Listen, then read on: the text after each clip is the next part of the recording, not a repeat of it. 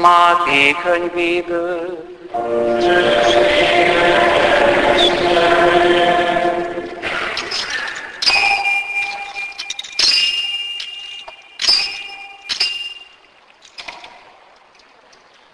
Abban az időben a tizenegy tanítvány elment Galileába fel arra a hegyre, ahova Jézus rendelte őket. Amikor meglátták őt, leborultak előtte a földre. Egyesek azonban még mindig kételkedtek. Jézus oda ment hozzájuk, és ezt mondta nekik, nekem adatott minden hatalom a mennyben és a földön. És most menjetek el, tegyetek már minden nemzetet. Kereszteljétek meg őket az Atya és a Fiú és a Szentlélek nevében Tanítsátok meg őket mindennak megtartására, amit parancsoltam nektek, és íme én veletek vagyok minden nap a világ végezetéig. Ez az evangélium igé.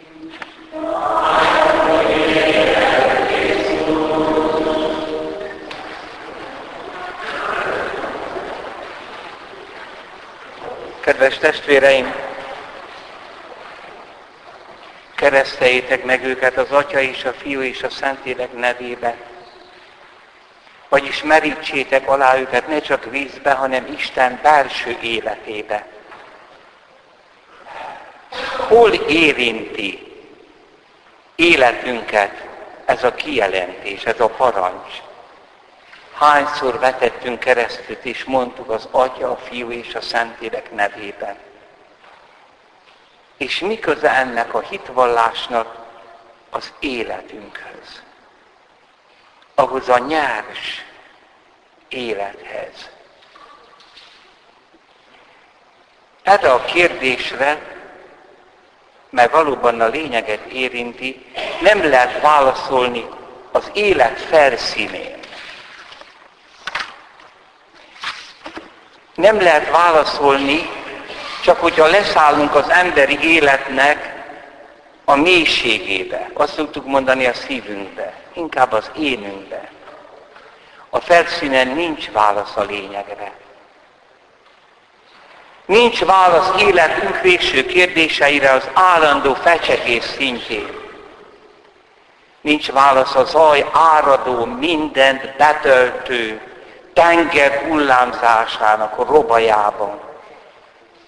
Nincs válasz az apró önző hétköznapi érdekeink hálózatának a szintjén.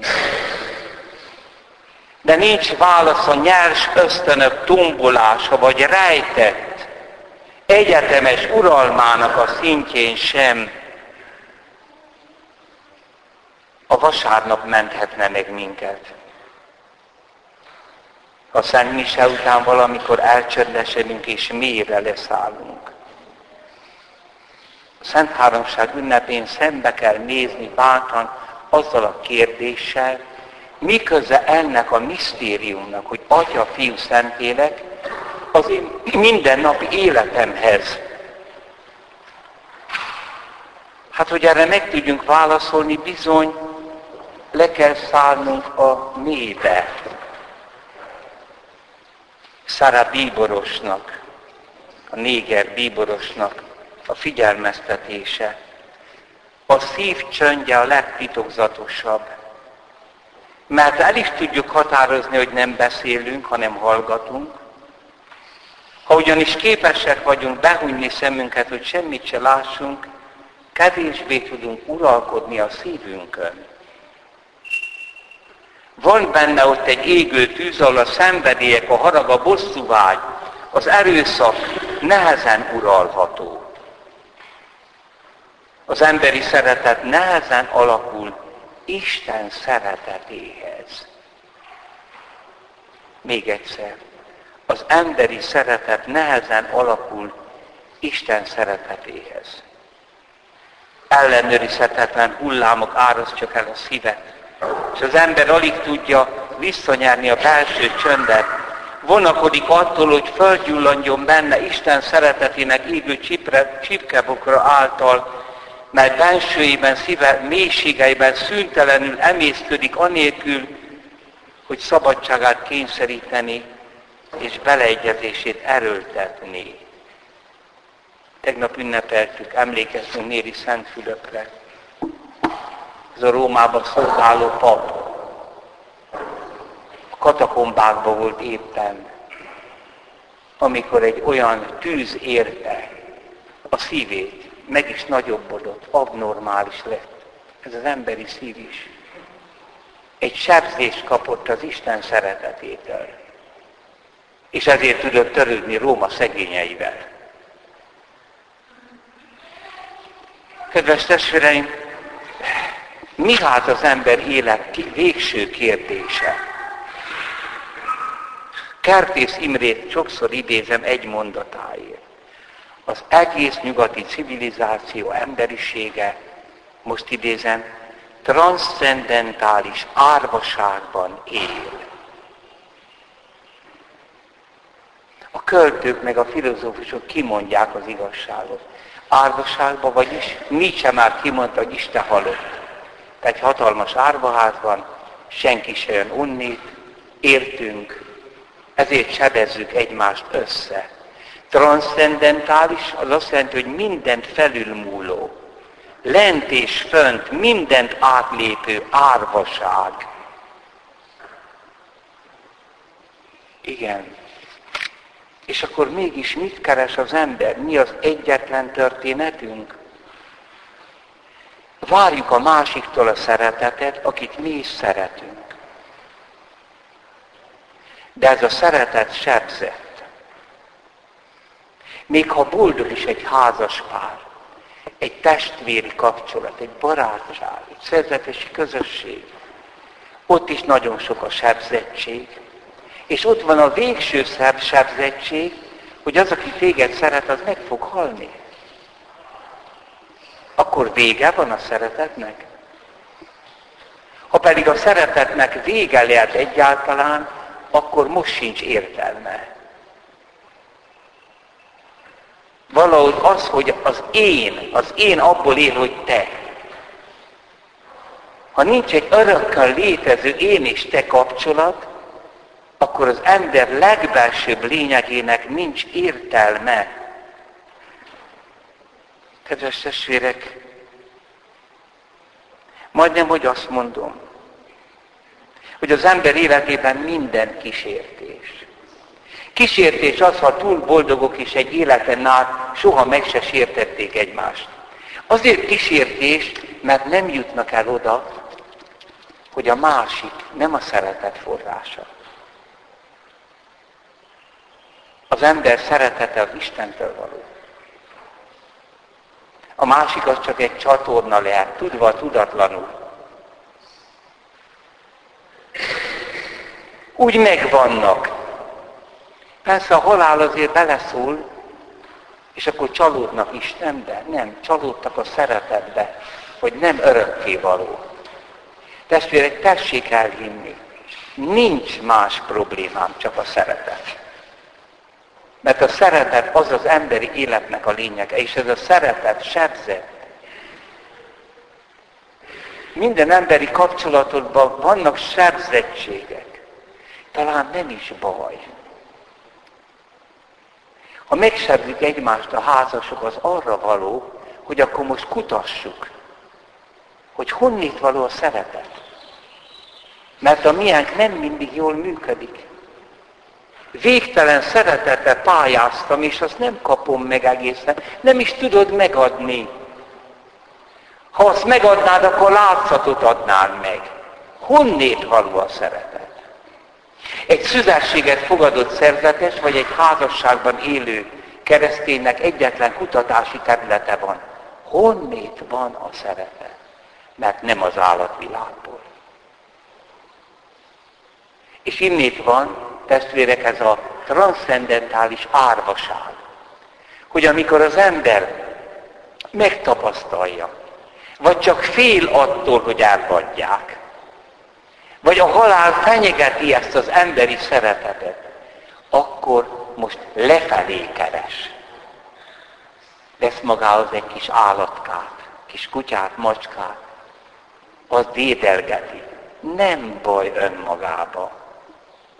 Lehet kedvelni egy kis állatot, idézelben még hűséges is. De ha pótolja neked az emberi szeretetet, akkor te meg vagy rontva. Ő nem tud szeretni. Ő nem valaki. És a világenergiák az olyan buták, hogy nem is tudják, hogy vannak. Az anyag nem tud szeretni. Az embertől lefelé árvák vagyunk. Állat itthon van a Földön egészen. Mert nem tudja, hogy létezik egy kutya vagy egy macska, tehát egy örökké valóságba él. Létének nem érzi a kezdetét és a végét. Ilyen nincs. Ez egy csodál, nem hiába mondta Newman bíboros, hogy többet tudunk az angyalokról, mint az állatokról. Mert az angyalokról tudjuk, hogy valakik. Állat egy titokzatos, de nem valaki. Nem pótolhat. Nem pótolhatja azt, akinek azt mondanád, hogy te, hogy téged szeretlek. Íme itt van a lefelé menő, transzcendentális árvaság.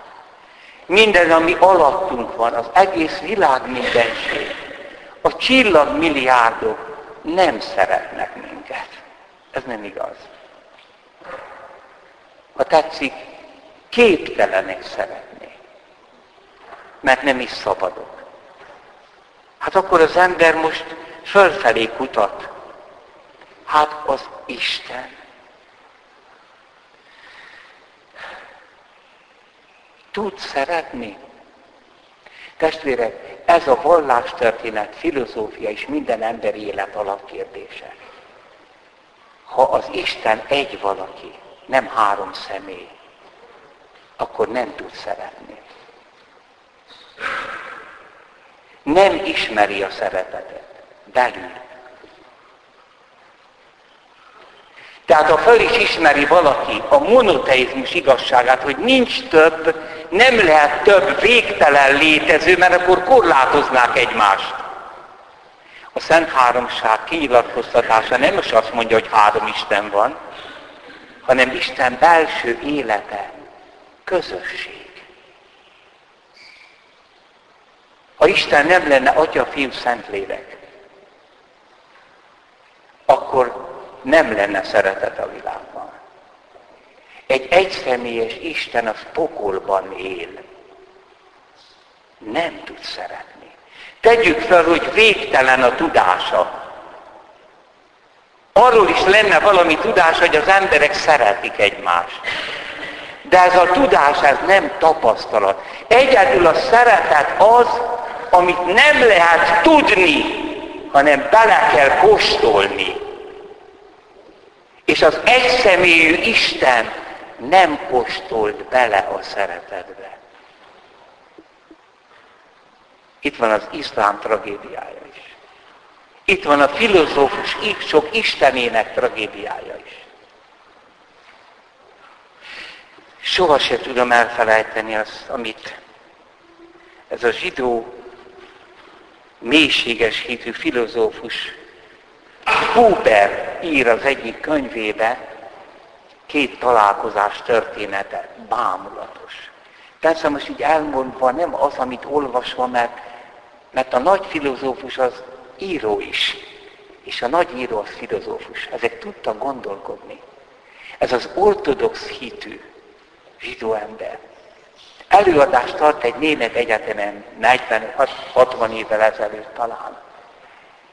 Én nem az egyetemen, bocsánat, egy város nagy termében, és utána beszélgetés van. És az egyetemisták meg a polgárok hát kérdeznek, a munkások hallgattak. Van közöttük egy olyan munkás, amely hasonlított egy holland művésznek a képére, ahol egy, egy pásztorra, aki imádja az Úr Jézus. Éppen olyan arca volt. Csak ezt éppen nem az elragadtatás jellemezte. És az előadás végén azt mondja, hogy nézze, milyen helyen nem tudunk kérdezni, beszélni. Ha kedve van, jöjjön-e hónap vasárnap hozzánk, munkásokhoz. Akkor majd beszélünk. És hát elmentem, mondja Buber, és ott beszéltem Istenről. És akkor ez a pásztor képű, akinek le volt eresztve a szemhéja, végig hallgatott, súlyosan, nagyon figyelt, rám nézett, és azt mondta, tudja, én nyugodtan ki tudok igazodni a világba az Isten hipotézis nélkül. Nem kell feltételezni Isten létét ahhoz, hogy ki igazodjak a világba. Na most testvérek, ez egy olyan félelmetes mondat, mert abban a városban hangzott el, ahol Laplace, a csillagász, ugyanezt mondta. Tehát nagyon vigyáz, a segédmunkásnak az agya tele van filozófiával. Európa gazember árulói, az álteológusok, mondatai beleültek az agyába, csak senkivel se beszélget. Ugyanazt a filozófiai mondatot mondta. És azt mondja, most hogyan ingassam meg azt a világba vetett nagy bizalmát, hogy ő kiigazodik. És akkor elmondta, hogy nézze, van a világban cinóbervörös, a vermutnak van íze, meg van kék szín. Csak az a probléma, hogy az a cinóber vörös, ott az anyagban mi vörös, az nem vörös, hanem az rezgés. Csak az emberi szembe vörös.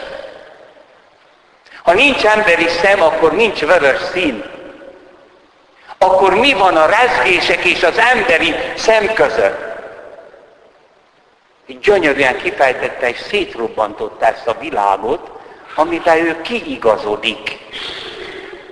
És akkor azt mondta ez a szegény munkás, hogy igaza van. Na most jön a nagy ember. Mit tettem én ezzel a munkással? Ezt akartam. Elvezetni a filozófusok Istenéhez. Ahhoz a valakihez, aki ott trónol és irányítja a világot. Nem inkább Ábrám, Izsák és Jákob Istenéhez kellett volna elvezíteni. Tovább kellett utaznom. Nem maradhattam vele. Csak mert búcsúztam tőle. Mert be kellett volna lépnem a vár, a gyárba, ahol dolgozik, együtt lenni vele, és tovább vezetni. Nagy dolog a filozófia. Fel lehet ismerni, és fel kell ismerni Istennek a létét és az, hogy van valaki, de ez önmagában kudarchoz vezet. Mert nem nyilatkoztatja ki magát, milyen ő belülről. Egy másik találkozás. Egy nagy filozófussal közösen tartottunk előadást, mondja, és ez a filozófus, én Istenről beszéltem, ez a filozófus azt mondta, jó öregnek lenni, mert most az összes könyvemet, amit eddig írtam, azt felejtsék el. Jött a második világháború maga szörnyűségeivel, mindent újra kell gondolnom.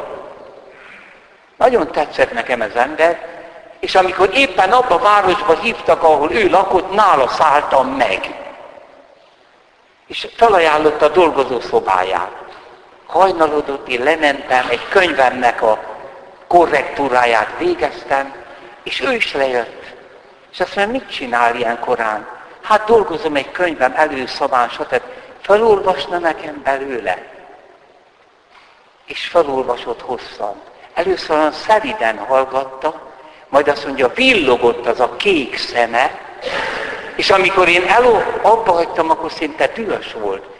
Azt mondta maga, mindig Istenről beszél. Hagyja már ezt abba. Hogyan gondolhatja, hogy mindenki arra a fölséges Istenre gondoljon, amire maga? Ez az a szó, akit legtöbbször meggyaláztak, sárba tapoztak, a nevében gyilkoltak, egymásnak estek emberek. Hogy veszi ezt a szót a szájára, hogy Isten? És akkor ezt válaszolta neki, tudja, de amikor az ember haldoklik, és halálos szenvedésének az égboltjára kifeszíti ezt a nevet, és azt mondja, Istenem, te, akkor szól az igaz Istenhez. És akkor megszentelte a nevét. Erre odajött hozzám, a vállamra tette a kezét, és azt mondta, tegezhetnénk egymást. Emberi kapcsolat, hogy én azt mondjam neked, hogy te. Az csak úgy lehet, hogy az én énem, meg a te éned egy személyes Istenre van kapcsolva. És itt jön Jézus, aki kinyilatkoztatja Isten belső világát.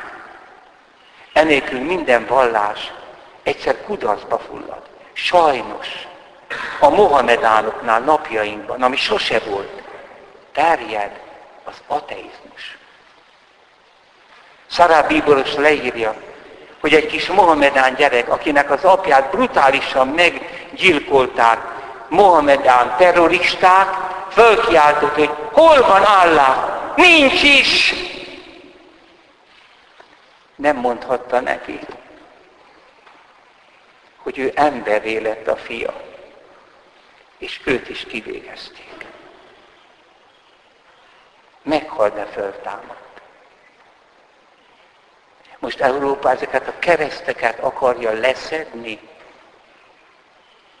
amely Isten belső világát nyilvánítja ki, hogy úgy szerette Isten a világot, hogy egyszülött fiát adta oda érte a Szentlélekben, hogy minket, akik elszakadtunk az Istenhez, a bűneinket megbocsátva, kiáraszta belénk a harmadik isteni szemét, és rá legyünk kötve az Isten életre, és tudjunk végtelenül szeretni. Amikor a bajorpoly már mégis úgy döntött, hogy le kell szedni a kereszteket. Amikor egy leszbikus kapcsolatban élő evangélikus püspök nő, na Luther adott volna nekik. Azt hiszem. A templomáról leszedi a keresztet meg az oltárról, és kírja, hogy merre van Mekka, hogy mindenki ugyanazt az Istent imádja. Testvérek, ez nem szeretet. Ez őrültség. Én el tudom fogadni a hívő Mohamedánt, a zsidót, az ateistát. Mert tudom, hogy Istennek a gyermeke. És tudom, hogy előbb-utóbb találkozik vele, ha máskor nem, halálos agóniájának küzdelmébe. Talán meg se tudja nevezni, de ott lesz vele az az Isten fia, aki azt mondta, én és az Atya egy vagyunk. Én felülről való vagyok, ti alulról valók vagytok. Én azért jöttem, hogy megmentselek benneteket. Atyám, bocsáss meg nekik. És föltámadva azt mondta, békesség nektek, ne féljetek, én vagyok. És most menjetek és kereszteljetek meg, vagyis merítsetek minden embert alá. Nem csak a vízben, hanem egyben az Atya, Fiú, Szentlélek életébe. Testvéreim, ha bajunk van egymással, hogy barátság zátonyra jut, ha testvérek elkezdnek veszekedni, ha férj és feleség köz baj van, akkor vagy egyik, vagy mind a kettőnek meg kell térni. Nem egymással van bajuk, az Istennel van bajuk. Nem tudnak a szerelem sivatagában egyedül lenni és várni, mert nincsenek jól lakatva Isten szerelmével, hanem állandóan a másikat nyúzzák. Nem tudnak szeretetből ingyenesen adni. Hallottuk az első olvasmányban, hogy micsoda dicsősége Izraelnek, hogy kinyilvánította a tíz parancsolatot az Úr. Egyébként mindenkinek a szívébe van írva. De az Úr Jézus nem a tíz parancsolatot tette meg, az érvényben van, hanem az embernek a szívét rákötötte az Isten szívére. Mert a tíz parancsolat csak azt mondja, hogy mit nem tesz a szeretet. De nem tudja kimondani, hogy mit tesz a szeretet. Azt Jézus mondta ki, aki úgy szerette a világot, hogy életét adta értünk, és Szent Pál, szóval ez, ezek a nagy keresztények. Olvassátok az új szövetséget, amikor azt írja Pál, hogy szeretett engem, és életét adta értem. Ez egy szeretettel jól lakatott ember. Ez nem fogja nyúzni a másikat, hogy szeres. Nem szeretsz, akkor is törődök veled. Mert meghalt értem.